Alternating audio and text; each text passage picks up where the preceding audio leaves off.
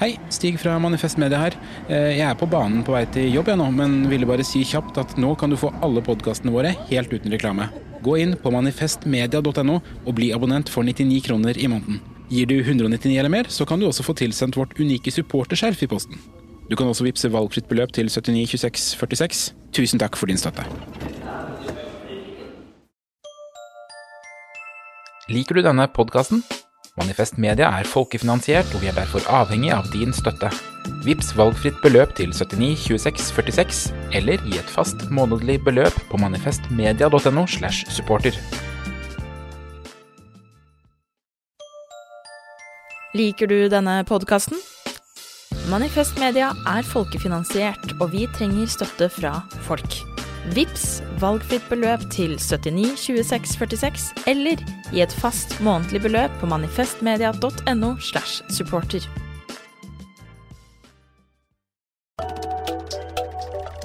Økotrim med Linn Stalsberg og Kalle Mone. Ja, eh, dere, i dag skal vi snakke om skatt. Eh, for hva skal vi på venstresida egentlig mene om skatt? Er skattesystemet rettferdig og bra? Kan vi stole på at skatten går til ting i samfunnet som vi alle trenger?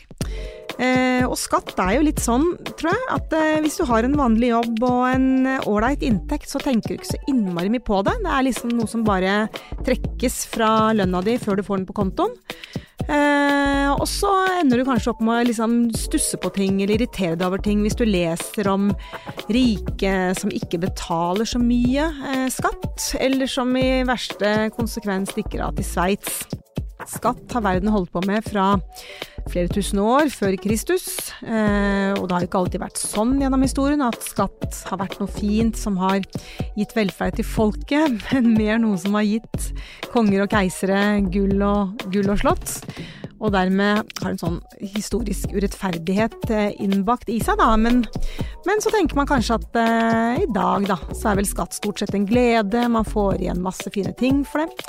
Eh, og dette liksom Dette historiske dilemmaet, da, hva skatt egentlig har vært, og hva det er i dag, det er det vi skal lære om, da. Gjennom dagens tre deler i denne episoden. Og i, i del én så tenkte jeg skulle spørre Kalle om noe så enkelt som hvorfor har vi egentlig skatt, og er det sånn som jeg tror, at det, at det går til det beste for folk flest?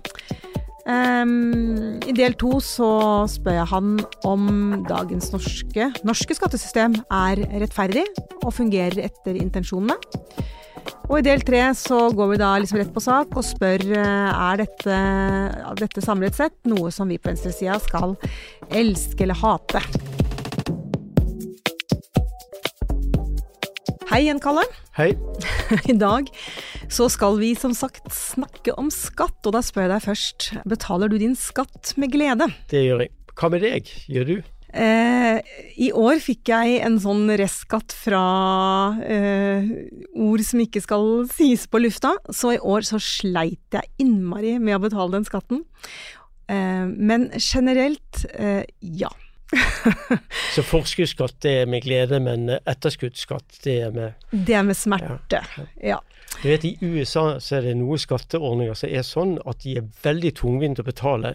Og det gjør de veldig upopulære, og det betyr at de politikerne som har utformet reglene, ønsket at det skulle være effekten. Mm. At du skal fylle ut masse skjema sjøl, for det orker ikke folk å gjøre det. Og da hater de skattene, og da vil de ha mindre skatter. Og det var også hensikten. Det er mulig jeg snart stiller i de rekkene der.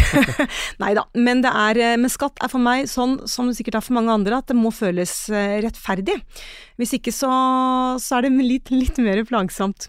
Vi skal komme innom rettferdighet i del to av denne podkasten, men i del én så lurer jeg først på eh, hvorfor har vi skatt? Ja, det er ikke én grunn til vi har skatt. Det er eh, mange grunner til vi har skatter. Og eh, den viktigste grunnen til at vi har skatter, er den som er minst diskutert. Nemlig at, at vi påfører skatter på et til folk og rike og fattige, så skaper du en plass til det som er de offentlige prosjektene, f.eks. velferdsstaten. At da er det ledige ressurser til at velferdsstaten kan f.eks. ekspandere, eller du kan ha flere sykehjemsplasser. For at nå er det en nå er det plass til dette. Det er ledige hender eller ledige hoder til å jobbe i de eh, sektorene. Og da må en liksom begrense etterspørselen og aktiviteten i andre sektorer. Det, det er lite diskutert, for en bruker ofte det bildet at, at, at skattene finansierer eh, offentlig virksomhet. Men det er av og til et feil bilde. For det, det skulle bety f.eks. at vi måtte ha mer privat virksomhet innenfor eh, vanlig vareproduksjon f.eks. For, eksempel, for å finansiere velferdsstaten. Men akkurat som jeg sa, at du skal skape plass for, for velferdsstatens ekspansjon. Da kan du ikke ha mer privat sektor, for det skal jo være plass til det som velferdsstaten skal uh, ha bruk for. Så vi kan ikke produsere mer aluminium for å få mer velferdsstat. Det er ofte en veldig stor misforståelse som uh, debatten om disse tingene lider av, og som av og til høyresiden utnytter for mer enn det er verdt. Det er ikke sånn veldig lett å forstå. Eh, selv om du prøvde noe veldig pedagogisk, så er det ikke sånn umiddelbart lett å gripe fatt i Nei. hva det betyr. Og det, og det, er derfor at mange har tydd til den forenklingen og sier at dette er ting som finansierer velferdsstaten. For det er mye lettere å forstå. Men, men det, det, gir da masse feilassosiasjoner. At, at da nå må vi ha mer privat sektor for å kunne finansiere det offentlige virksomhet. Men hvis vi, hvis vi liksom konkurrerer eller har bruker av de samme ressursene, så enten kan du jo produsere aluminium, eller så kan du være på sykehjem. Det er kanskje ikke verdens beste sammenligning, men bare ta det litt ekstreme tilfellet.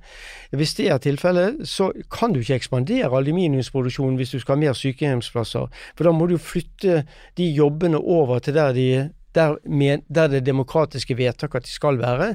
Og da må en liksom skattlegge det sånn at det blir mindre av den andre produksjonen. Mm. Dette er jo litt sånn Norge i dag, som du beskriver nå. Men hvis vi ser på skatt eh, historisk, da, så får man jo sånne i hodet sånne bilder av sånn sant, Robin Hood eller sånne gamle konger og, og, og grever som, liksom, som, som, tar skatt da, fra fattige folk, ikke sant. Altså, så skatt har vel ikke alltid vært til det ja. beste for folk, eller hva er liksom historien her? Nei, helt åpenbart. Altså det, jo, det, var jo måte å utbytte folk på var jo gjennom skattesystemet. Og, og, det har jo vært mange slags former dette har tatt. Eh, noe som blir kalt for skatte... Eh, jeg vet ikke hva det skal hete på norsk, men på engelsk heter det tax farming. At du solgte retten du solgte retten til å kreve opp skatter, og så kunne den som fikk den rettigheten, da, den kunne plyndre folk for alle skatter, for det hadde du lov til, du hadde kongens rett til å gjøre dette, og så beholdt du gevinsten sjøl. Det har vært skattlegging av private selskaper har hatt skatterett. Eh, F.eks. Eh, The East Indian Company, East India Company heter det. Eh, de hadde rett til å kreve skatter i India, og de var jo ekstreme ekstrem i skatteoppkrevingen, selv i den store hungersnøden i 1770, hvor folk døde som fluer i, i Bengal. Da oppkrevde de skatter. Så disse tingene eh, Å knytte noe sånn veldig progressivt til skatter, det er veldig moderne. Altså I Internasjonalen, som du vet, så er det jo et vers som ikke synges med like stor entusiasme, går ut fra. Av skatter er vi tynget ned. Men det er liksom ting som kommer som har vært eh, veldig klart skattefuten, det har vært kallenavn på disse, som indikerer at dette har vært veldig upopulære ordninger. Men du nevnte en annen ting. Grunnen, altså grunnen til at skatter er mer progressive i, i, dag, eller i betydningen at det progressive liker et, et skattesystem, det er jo at uh, det er en større grad av utjevning gjennom skattesystemet. En, en, større grad, men ikke noe fullstendig grad av utjevning. men at, at Det er ment å være Robin Hood-skatter, altså at du tar for de rike og gir til de, til de fattige, eller at velferdsstaten er en forsikringsordning som er på bedre vilkår for de fattige enn for de rike.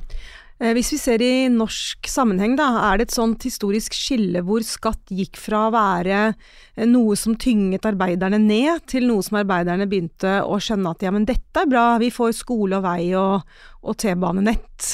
Ja, jeg tror det, er, det, det, kommer etter andre verdenskrig. Jeg jeg, det, og det kommer gradvis. Du må huske at tradisjonelt så hadde en jo mye av de forsikringsordningene som velferdsstaten tilbyr i dag. Eh, det hadde en jo gjennom hva skal jeg si, selvhjelpsgrupper på land, dugnadsgrupper, naboeffekter på landsbygda. 'Jeg hjelper deg i år, så hjelper du meg neste år. Vi bygger husene til hverandre.' Hvis det er dødsfall i en familie, så kunne jeg hjelpe til. Så det, det, det var forsikringsordninger som, som, lå gjennom en slags solidaritet, lokal solidaritet på på landsbygda. Når du får industrialiseringen, så flytter folk inn til byene. Da har du ikke samme mulighet til å gjøre det samme, og da får du liksom dette kravet om eh, velferdsstatsordninger. Eh, som eh, har vært der helt fra 1920-tallet, som har vært et ønske i store deler av, av befolkningen, men som først som, som, ekspanderer veldig etter andre verdenskrig. Og det er under ekspansjonen av dette at, at liksom en ser på skattesystemet med andre øyne enn eh, Mm. Du, nevnte, du, nevnte, utjevning, at det også er en del av skattepolitikken. At man skal jevne ut mellom folk. Um, hvor vellykka er det, uh, syns du? Vi snakka i forrige episode om at ulikhetene øker, f.eks. Hvordan fungerer det etter formålet? Det, en kan i hvert fall ikke stole på at skattesystemet kan gjøre eh, alle ting av Kan bidra med hele utjevningen. En, I nordeuropeiske land så er en del av utjevningen gjennom skattesystemet, og at hun får ting gjennom velferdsstaten som er på bedre vilkår for fattige enn for rike. Det er utjevnende i seg sjøl. Men, eh, men, det er også den viktigste formen for utjevning f.eks. I, i, i Norge mellom arbeidsfolk. Det skjer jo gjennom fastsetting av lønninger, altså i sammenpressing av forskjeller som fag, fagbevegelsen har stått for, og som arbeidsgiverne har akseptert uh, tiår etter tiår. Men men du må også vite at skattesystemet har også en annen funksjon. at det, det en, en, ønsker å skattlegge mer ting en ikke liker, f.eks. For forurensende ting. Det ønsker vi mindre av. Så vi ønsker å skattlegge samfunnsmessige onder, og så ønsker vi å subsidiere samfunnsmessige goder, i prinsippet. Så i miljøpolitikken så kunne jo skattepolitikken vært utnyttet uh, enda mer enn, en det faktisk er. Og, uh, så dette er liksom en jeg ville kalle det for sånn insentiveffekt, som det ville hete på fint. At en, at en forsøker å uh, korrigere for uheldige konsekvenser av den økonomiske aktiviteten. Og miljøet er vikt, antagelig den viktigste saken i, i denne sammenheng. Jeg tenker at hvis, skatt, hvis folk skal betale sin skatt med glede, så må man jo kjenne på at man får noe igjen for det. Sant? Altså helse og barnehage og skole og, og, alle ting man trenger for å få livet til å gå rundt. Eh, og veiene, så man kommer seg fram og tilbake dit. eh, og da må jo et samfunn på en eller annen måte henge sammen med seg sjøl, ikke sant. Hvor, hvor, eh, hvor, plasserer du alle disse tendensene vi ser til sånn privatisering av helsevesenet f.eks., privatisering av sykehjem, som gjør at det ikke lenger at, vi, at, vi, lever litt sånn ulike liv, da. At ja. noen går privat, og andre er avhengig av at alle betaler skatt. Ja. Så det, det, er klart at dette underminerer, eller en slags lekkasje i uh, den kollektive rasjonaliteten for, gjennom velferdsstaten. At uh, når folk blir veldig forskjellige, så er det vanskeligere å tilfredsstille kollektive ønsker i, i en befolkning gjennom et, et, likt system for alle. Så, så, jo likere folk er i utgangspunktet, jo lettere er det å få til en velferdsstat. Og Du ser jo også at en velferdsstaten er størst og mest sjenerøs i de landene som har minst forskjeller før skatt. Eh, hvis du ser tilbake på dine 50 år som økonom, har synet på skatt endra seg i de 50 årene? Hadde man kanskje høyere forventninger til hva skatt skulle bidra til, eller lavere, eller hvordan det er vanskelig å si, men det, det som viktigste endringen i, i uh, min levetid, det er jo at uh, skattesystemet er blitt mindre progressivt. Uh, hva betyr det? Mindre progressivt, det betyr Progressivt skattesystem det er at skattesatsen på de høyeste inntektene er mye høyere enn skattesatsen på de laveste inntektene. Så er det progressivt skattesystem i den forstand at jo høyere inntekt, jo mer skatt betaler du. Det som folk ikke legger merke til alltid, det, det betyr at solidaritet er blitt dyrere. Hvorfor det? Jo, fordi at uh, før så var det sånn at de rikeste lønnstakerne de hadde høy marginalskatt, så hvis de begrenset sin lønn, så tapte de ikke så mye disponibel inntekt som de fikk med seg hjem i lønningsposen, fordi de hadde så høy skatt.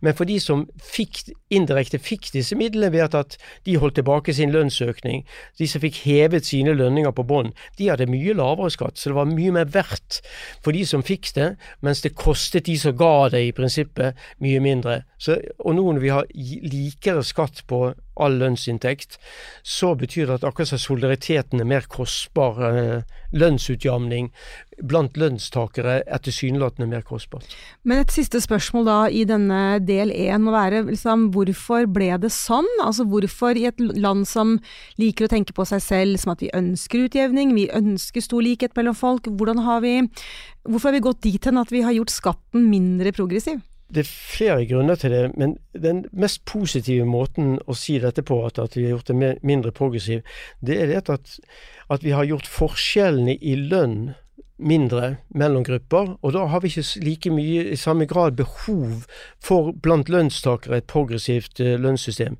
Og det er faktisk sånn at de landene som har minst forskjeller mellom arbeidstakere, lønnsarbeidere, de har de minst progressive skattene. Mens land som har store forskjeller eh, blant lønnstakere, der vil det være et slags flertall, et press, politisk press for å ha et mer progressivt skattesystem. Så USA har alltid hatt et mer progressivt skattesystem enn Norge. Eh, men det er klart at vi, det var jo ingen grunn til å oppheve det progressiviteten for de virkelig rike, som, betaler mye mindre skatt enn, enn, eh, enn, som andel av inntekten sin enn vanlige lønnstakere. Mm. Vi skal i del to snakke litt om eh, dagens skattesystem er rettferdig, så vi holder den tanken der til vi kommer dit.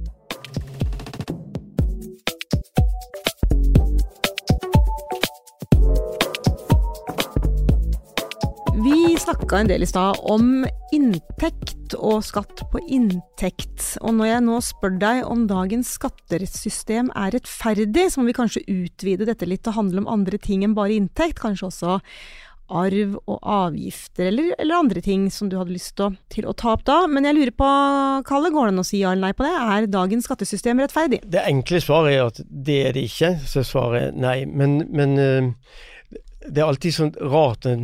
En burde jo først si hva et rettferdig skattesystem er, før en liksom konkluderte. Og der er det ikke så lett å, uh, å, å være helt presis. Rettferdighet kan liksom um, rettferdiggjøres på forskjellige måter, om jeg vil. Det kan liksom argumenteres for rettferdighetsprinsipper på forskjellige måter. Så det som jeg tenker at, at det, er, det er et rettferdighetsprinsipp i å de som skal begrense sin etterspørsel for at det skal bli plass til offentlige prosjekter, det er de som har mest fra før. Så derfor så vil det være at, at prosentvis så vil et rettferdig skattesystem som et minstekrav skal være høyere prosent skatt på de høyeste inntektene enn på de laveste. Eh, og selv der eh, feiler vi. For Hvis du regner liksom samlet skattebetaling som eh, andel av inntekten, så er de aller rikeste i Norge betaler veldig lite skatt som andel av inntekten sin. Legg merke til at når høyresiden skal argumentere for det, så sier de alltid beløpet de betaler i skatt. For det høres alltid så stort ut. Og der er vi helt blinde. Det synes vi, vi kan ikke sjekke etter å ja, var det så mange milliarder. Sånn? Derfor så er det, det naturlige å se det i forhold til samlet inntekt de har. Og der eh, betaler de aller rikeste en mye lavere prosent. Særlig når du tar med at noen av de aller rikeste i, i Norge, de har inntekter som er holdt tilbake i de bedriftene som de eier. Ja, kanskje de eier det gjennom holdingselskap eller ikke, men det betyr at det er inntekter som ikke går gjennom skattesystemet eh, på vanlig måte. Når du tar med den inntekten, så blir den prosenten av den samlet inntekt som går til skatt fra de aller rikeste, er veldig lav. Men eh, det jo, dette her skjer jo hvert eneste år når det kommer en sånn liste over Norges 100 rikeste og sånn, ikke mm. sant, mm. I, I, disse finansavisene. Eh, så er det jo nettopp det som skjer, at du ser nedover inntektslista, og så er det jo mange som har null i inntekt, eller, eller, lavere inntekt enn meg, f.eks. Ja. Eh, og det er jo den inntekten jeg f.eks. betaler skatt av. Mm. Eh, og der, eh, allerede der så begynner man å stusse på ting, da.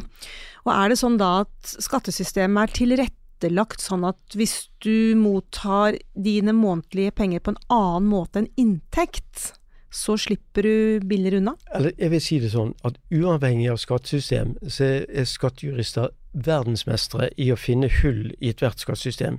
Så det er veldig vanskelig å lage et skattesystem som ikke kan utnyttes på den måten. For det er også noen rimelige hensyn at det er noen utgifter som du skal trekke fra før skatten skal beregnes. Det vil også være en del av rettferdighetsprinsippet bak skattesystemet. Men jeg tror jeg, må bare si det rett ut at det er veldig vanskelig å lage sånne systemer, eh, selv om de prøvde. Nå er jeg ikke sikker på om de prøver så veldig hardt, eh, men selv om de prøvde veldig hardt, så tror jeg det ville være vanskelig. Mm. Men hva er det som egentlig Nå har vi jo eh, Hva er det som stanser liksom, respektive regjeringer fra høyre eller venstresida når det gjelder å skattlegge de som har mest, eller som tar ut andre former for penger da, enn inntekt? Hvor butter det hen, liksom? Hvorfor kan vi ikke ta mer fra de aller rikeste? Det er jo ofte et tegn på at de rike har større innflytelse enn vanlige folk bl.a. i utforming av skattesystemet. Eh, og de har mye større eh, mulighet til skattetilpasning for ethvert gitt system.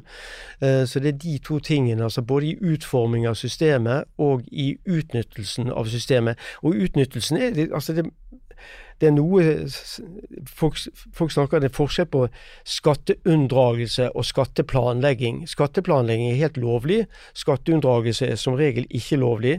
Eh, men jeg tror det som de aller, aller, rikeste gjør, vil være på den lovlige siden, men det er eh, godt utført med god hjelp av eh, dyktige skattejurister. Ja, det er jo en karrierevei det også. Eh, men veit vi noe om folk i Norge betaler sin skatt med glede? For jeg tenker at eh, hvis man skal gjøre det, så er det avhengig av en tillit, og den tilliten må jo være mot at det er rettferdig. En har ikke helt gode undersøkelser av dette, men det som, er, det som er gjort av undersøkelser på dette området, eller foretatt av undersøkelser på dette området, det tyder på at, at at i land med gode skattesystemer, som vi tross alt eh, må tenke at vi har. Sammenlignet med mange andre land så har vi et godt uh, skattesystem. Alle har tilgang til helsevesenet f.eks. I USA folk har ikke så lyst til å betale skatt når det er bare 30% så, så blir betjent av det helsesystemet du skal uh, finansiere.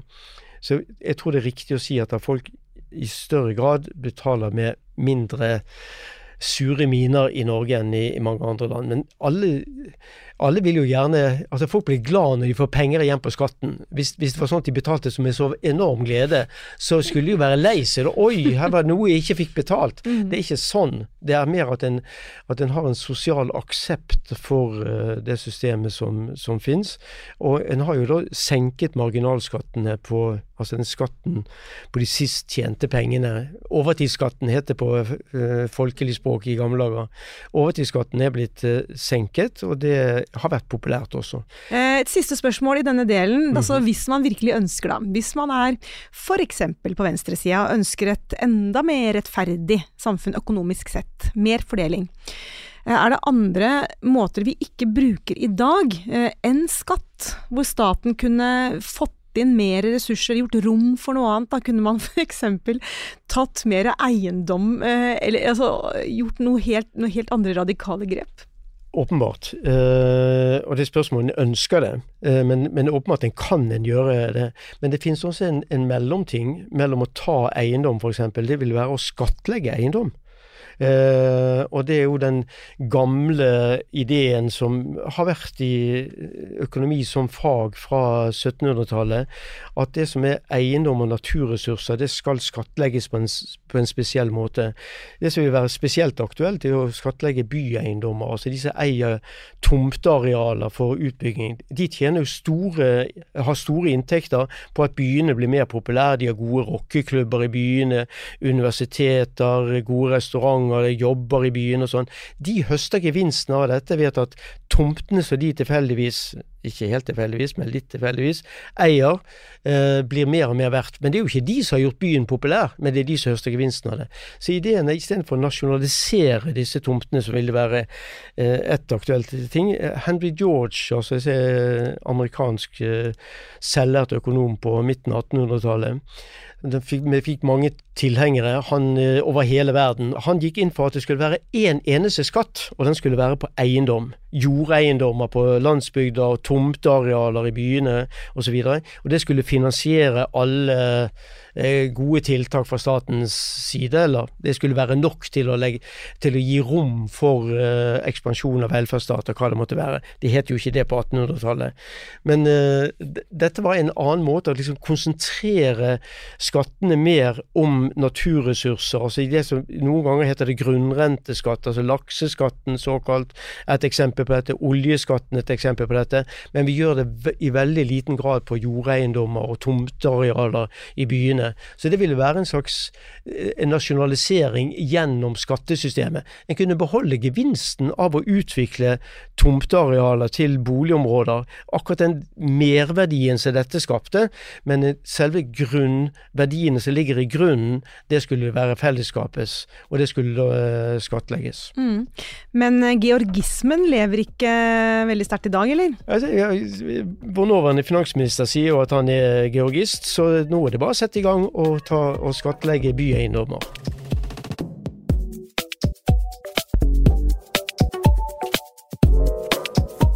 I eh, del tre så stiller vi det overhengende spørsmålet, Kalle. Skal vi på venstresida, da sier jeg vi, store vi, skal vi elske eller hate skatt? Jeg synes vi skal ha et avslappet forhold til skatt. Vi skal ikke ha så store forventninger til at skattesystemet skal fikse opp uh, alle problemer uh, som vi har. Og vi skal ha et realistisk forhold til dette. Uh, hvis en skal først holde seg venstresiden og sånn, så, så et, et dokument, interessant dokument som altfor sjelden trekkes frem, er Karl Marx' sin kritikk av Gotha-programmet, som var en kritikk av det sosialdemokratiske programmet til det tyske sosialdemokratiske partiet.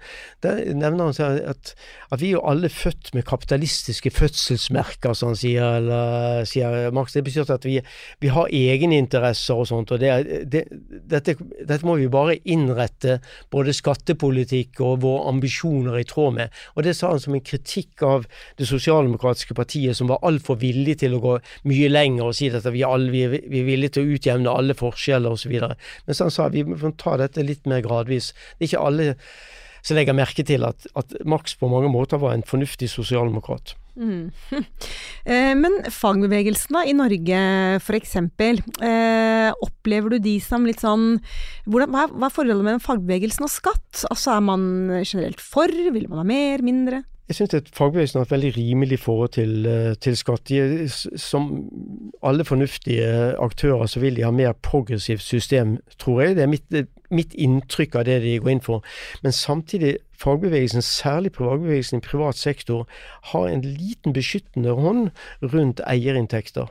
For dette at eierinntekter de skal investere i de bedriftene som fagbevegelsen har jobbene sine i, og da går produktiviteten opp, og da kan lønna gå opp indirekte. Så tradisjonelt har fagbevegelsen vært litt beskyttende overfor uh, De har investert i et forhold til at, de er avhengig av disse kapitalistene, og derfor vil de ha en rimelig behandling av de. Men bortsett fra det, så, så tror jeg skattesystemet i fagbevegelsen får en rimelig behandling.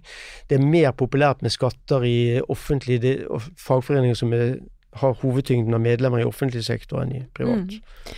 Men det er liksom noe som er litt sånn rart ikke sant, med skatt, for du har, eh, som i Norge, Norge de siste åra, så har det vært snakk om en del sånn såkalte skatteflyktninger da, som reiser til Sveits. Det er jo de rikeste, ikke sant, som reiser for å slippe, slippe unna en del skatt. da. Og så har vi på den annen side ting som jeg syns er litt rart, og det er at folk som er syke eller uføre og havner i Nav-systemet, eller er veldig, veldig lavtlønna, ufaglært f.eks., eh, er pålagt skatt på allerede veldig lave utbetalinger. Eh, hvor, hvorfor, hvorfor, er det sånn egentlig? Det sånn der, hvorfor må det være skatt på alt? Kan man ikke være syk og slippe, slippe skatt, f.eks.? Jeg tar det siste først. Eh, selvfølgelig kunne det godt være disse trygdeytelsene kunne være netto, men det er jo for å ta inn over seg at det kan være andre forskjeller på folk som er syke, at de har andre inntekter, eller de, og derfor så vil en ha et skattesystem, tenker jeg, at de er sånn de har administrativt tenkt på dette, skattesystem. Så det betyr at, i prinsippet så skal da beløpet som du får utbetalt være høyere, for du vet jo at det kommer skatt på dette. Men det, det er jo mange eh, trygdeytelser som er jo blitt liggende veldig langt etter. Eh, og det å forankre trygdesystemet bedre i den generelle eh, inntekts- og produktivitetsutviklingen tror jeg ville gjøre dette mye bedre. Men hva med disse som reiser til Sveits, da? Altså bare liksom fortell oss som ikke vet særlig mye annet om Sveits enn, en at, at, det er et vakkert fjellandskap der nede, liksom. Men hva er det med Sveits og, og skattesystemet i Sveits som gjør at uh, våre rikeste syns det er så pent? Eh, ja, det er noe i fjellene Nei, jeg bare tuller. Eh, så det er et skatteparadis. Eh, det har noen gunstige skatteregler. De har ikke formuesskatt, f.eks. eksempel. jeg tror at de skatteflyktningene, såkalt, som vi har nå, de, det er vel mer riktig å si at de har stukket litt av fra en regning. Eh, og de håper at, at, den utbytteskatten som vi har nå, som ble innført i 2007, tror jeg, 2006-2007, eh, jeg husker ikke helt, eh, at den skatten skal forsvinne igjen.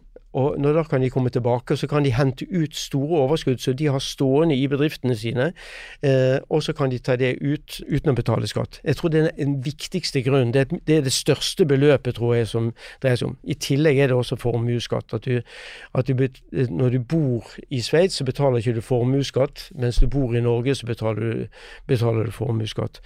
Eh, det er litt uheldig. Det burde jo være sånn at formuesskatten skulle være der inntekten er tjent, uh, uavhengig av hvor du bor. For da vil du jo bli kvitt noe av det problemet. Men det er også skatteteknisk ganske vanskelig å gjennomføre. At, uh, at du skal skille Kanskje du har kapitalinntekter fra forskjellige land, og hvor mye av formuen din er skapt i Norge, og hvor mye er skapt i i Danmark, eller hva landet måtte være. Men dette er litt sånn, dette er sånn skattetekniske ting som ja. de fleste av oss egentlig ikke helt forstår. Også fordi vi har ikke holdingselskaper eller aksjer, eller vi eier ikke bedrift, ikke sant. Vi, vi forholder oss ikke til sånne ting. Vi forholder oss bare til dette er de pengene jeg får utbetalt, og så mye går i skatt. Men det jeg ikke helt skjønner er at disse som stikker av, ser ikke de det samme som meg, så ser ikke de alt vi også eh, får. Sant? Og det er det jeg trøster meg med da når jeg får denne restskatten, ikke sant. At du har helsevesen og, og, og fine fortau utafor huset ditt, liksom. Eh, hvor ser de ikke det? De ser vel det, men de syns at de allerede betaler så mye inn, eh, selv om det er en liten andel av inntekten, så har de så høy inntekt at de syns de bidrar så mye. Det vil jeg tippe vil være deres uh, rasjonalisering av det. I alle skattesystemer som er utjevnende, så vil jo folk som har høyere inntekt enn gjennomsnittet, de vil bidra mer enn andre. Eh, hvis du har et mer progressivt skattesystem. Også hvis du har et helt, et helt proporsjonalt skattesystem, så vil det jo bidra mer i et større beløp, de som er høyere enn gjennomsnittet, enn de som ligger under gjennomsnittet. Men det er også formen på inntekten som uh, som uh, de rike har, at det er mye mer kapitalinntekt, som er jo et annet skattesystem for kapitalinntekt enn Og du kan trikse mer med det, som jeg har uh, allerede mm. nevnt. Mm. Men det er jo sånne debatter som kommer og går litt, ikke sant. Og det er jo ikke så lenge siden vi hadde disse såkalte Panama Papers, f.eks., som avslørte mye, mye greier rundt skatteparadiser. Og så ble det en sånn liten sånn topp med at nå må man liksom stanse dette og endre systemer og sånn. Og så skjer det liksom ingenting. Altså, er det, er det virkelig er det liksom, er det lov her i verden, ikke sant, å, å ha skatteparadiser, og to, å bruke dem? Eh, eh, det er ja på begge spørsmål, at det er lov. Eh, og det er klart at vi må passe på at vi kan ikke vi, Menneskerettssystemet skal gjelde, det må være fritt å flytte, enten en gjør det av skattemessige grunner eller ikke. Kampen mot skatteparadiser må, hvis, hvis, hvis andre land som ikke er skatteparadiser, ønsket å avskaffe skatteparadisene, så måtte de ha en boikott av disse landene. Og Da er det viktig at disse landene Sveits vil være et sånt land. Så de, de vil ha skatteparadisinntektene til Sveits er en liten andel av inntekten alt i alt. Men de har andre aktiviteter. Hvis det var en boikott av, av, av Sveits, så ville Sveits oppheve å ha et sånt skattesystem. For det ville være for mye å tape på andre områder. Men å få til en sånn boikott, det er, tror jeg er rent eventyrspolitikk. Men det, det, det, sier litt om hvor kostbar politikken mot skatteparadiser er.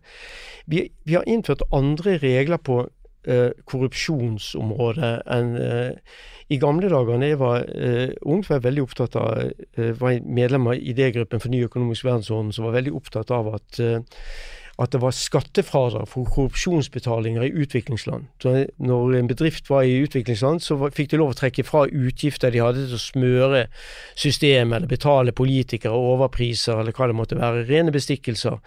Eh, det fikk du trekke fra, for det var nødvendige utgifter, som det het. Men det, gikk, det, det, landet som gikk i spissen for dette, ved siden av Norge, Norge kom litt seinere, er USA.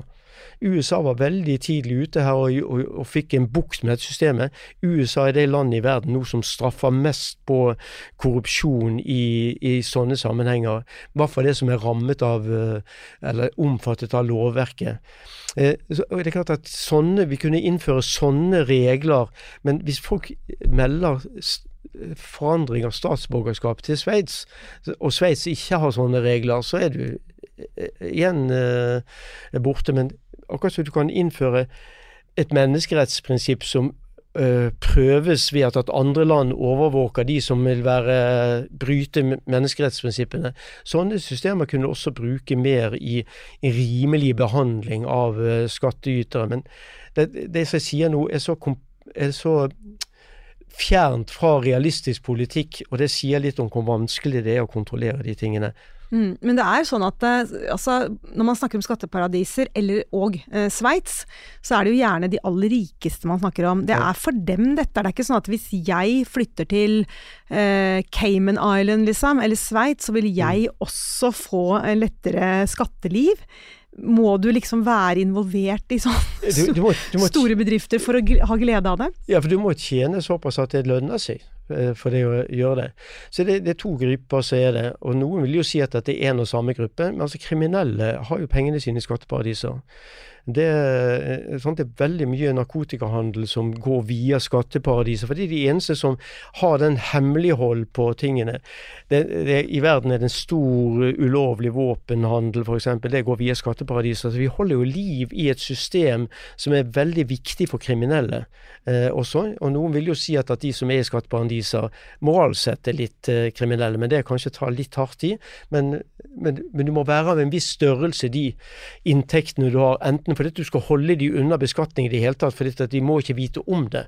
De skal hvitvaskes før du kan ta de med inn i din egen økonomi, for det er kriminell aktivitet. Eller det at du ønsker å holde inntekter borte fra ditt eget uh, legale skattesystem i det landet du opprinnelig bodde i. Altså I skipsfarten så var jo dette i skipsredere var jo overrepresentert som brukere av skatteparadiser. I, I, noen grad så er jo Norge et skatteparadis for skipsredere, så vi må ikke liksom bare kritisere andre land. Vi har også hatt ordninger som har vært uh, veldig gunstige for, uh, for visse typer inntekter. Mm. Som er et skatteparadis for visse typer inntekter. Eh, det er jo kanskje noe vi kan komme tilbake til seinere også. Det er hvordan noen av de aller rikeste i Norge har tjent pengene sine. kanskje historier som burde dras frem i lyset. Eh, men det, sånn som jeg forstår deg, da, så handler skatt i stor grad om tillit og moral og fellesskap. Eh, fordi det er lov, kan man si, å snike seg unna, selv om kanskje ikke er helt moralsk greit. Ja, noe sånt vil jeg, vil jeg også si. Det, så vil jeg også si dette, at det er mange rike i Norge som ikke har dratt til Sveits. Det høres ut som alle har dratt, men vi har en veldig stor og rik overklasse i Norge. Og den store, store majoriteten har ikke dratt til Sveits, og har ikke tenkt å dra der. Og noen av de Vi kan av og til si at det var, det var noe bra at, var, at dere også fantes. Og du kan også høre litt når du leser næringslivspressen f.eks., at det er folk som er litt irritert på de som drar, selv om de vil ikke si det rett ut. For det er klart at blir, du mistenkeliggjør jo en hel gruppe ved, ved liksom en atferd som en liten minoritet blant de rike uh, tyr til.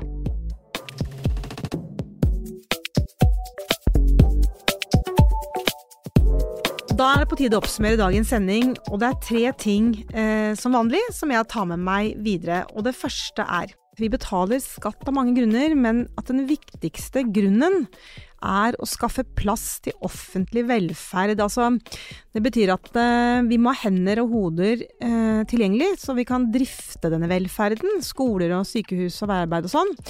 Og da kan ikke alle iblant oss jobbe i privat sektor, som f.eks. I, i aluminiumsbransjen eller i andre bedrifter som produserer varer. Det var i hvert fall litt sånn ny tanke for meg, da, å tenke på skatt på den måten. Og for det andre så tror jeg at Kalle bekrefta en mistanke mange har om at skattesystemet kanskje ikke er så rettferdig som vi liker å tro, og i hvert fall ikke så omfordelende som vi skulle ønske.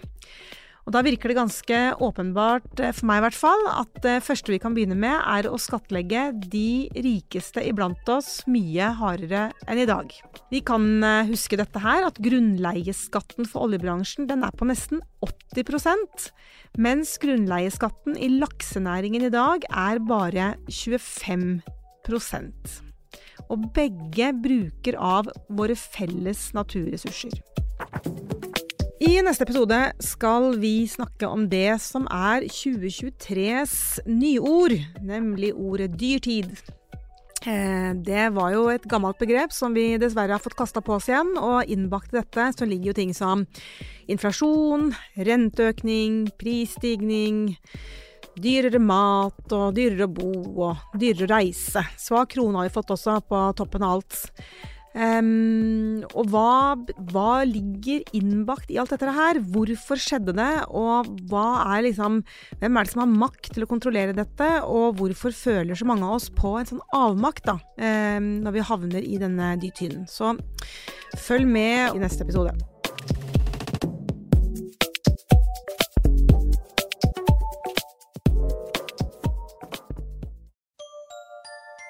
Likte du denne podkasten? Manifest Media er folkefinansiert, og vi trenger støtte fra folk. Vips valgfritt beløp til 79 26 46, eller gi et fast månedlig beløp på manifestmedia.no. slash supporter. Produsent for denne podkasten var Mikkel Kvenås. Ansvarlig redaktør er Magnus Marstad. Likte du denne podkasten? Da trenger folkefinansierte Manifest Media støtte fra deg. Vips valgfritt beløp til 79 26 46, eller gi et fast månedlig beløp på manifestmedia.no. slash supporter. Produsent for denne podkasten var Mikkel Kvenås. Ansvarlig redaktør er Magnus Marsdal. Du har hørt en podkast fra Manifest Media. Vi er folkefinansiert og avhengig av din støtte. Gå inn på manifestmedia.no og bli supporter, eller vips valgfritt beløp til 79 26 46. Ansvarlig redaktør er Magnus Marsdal.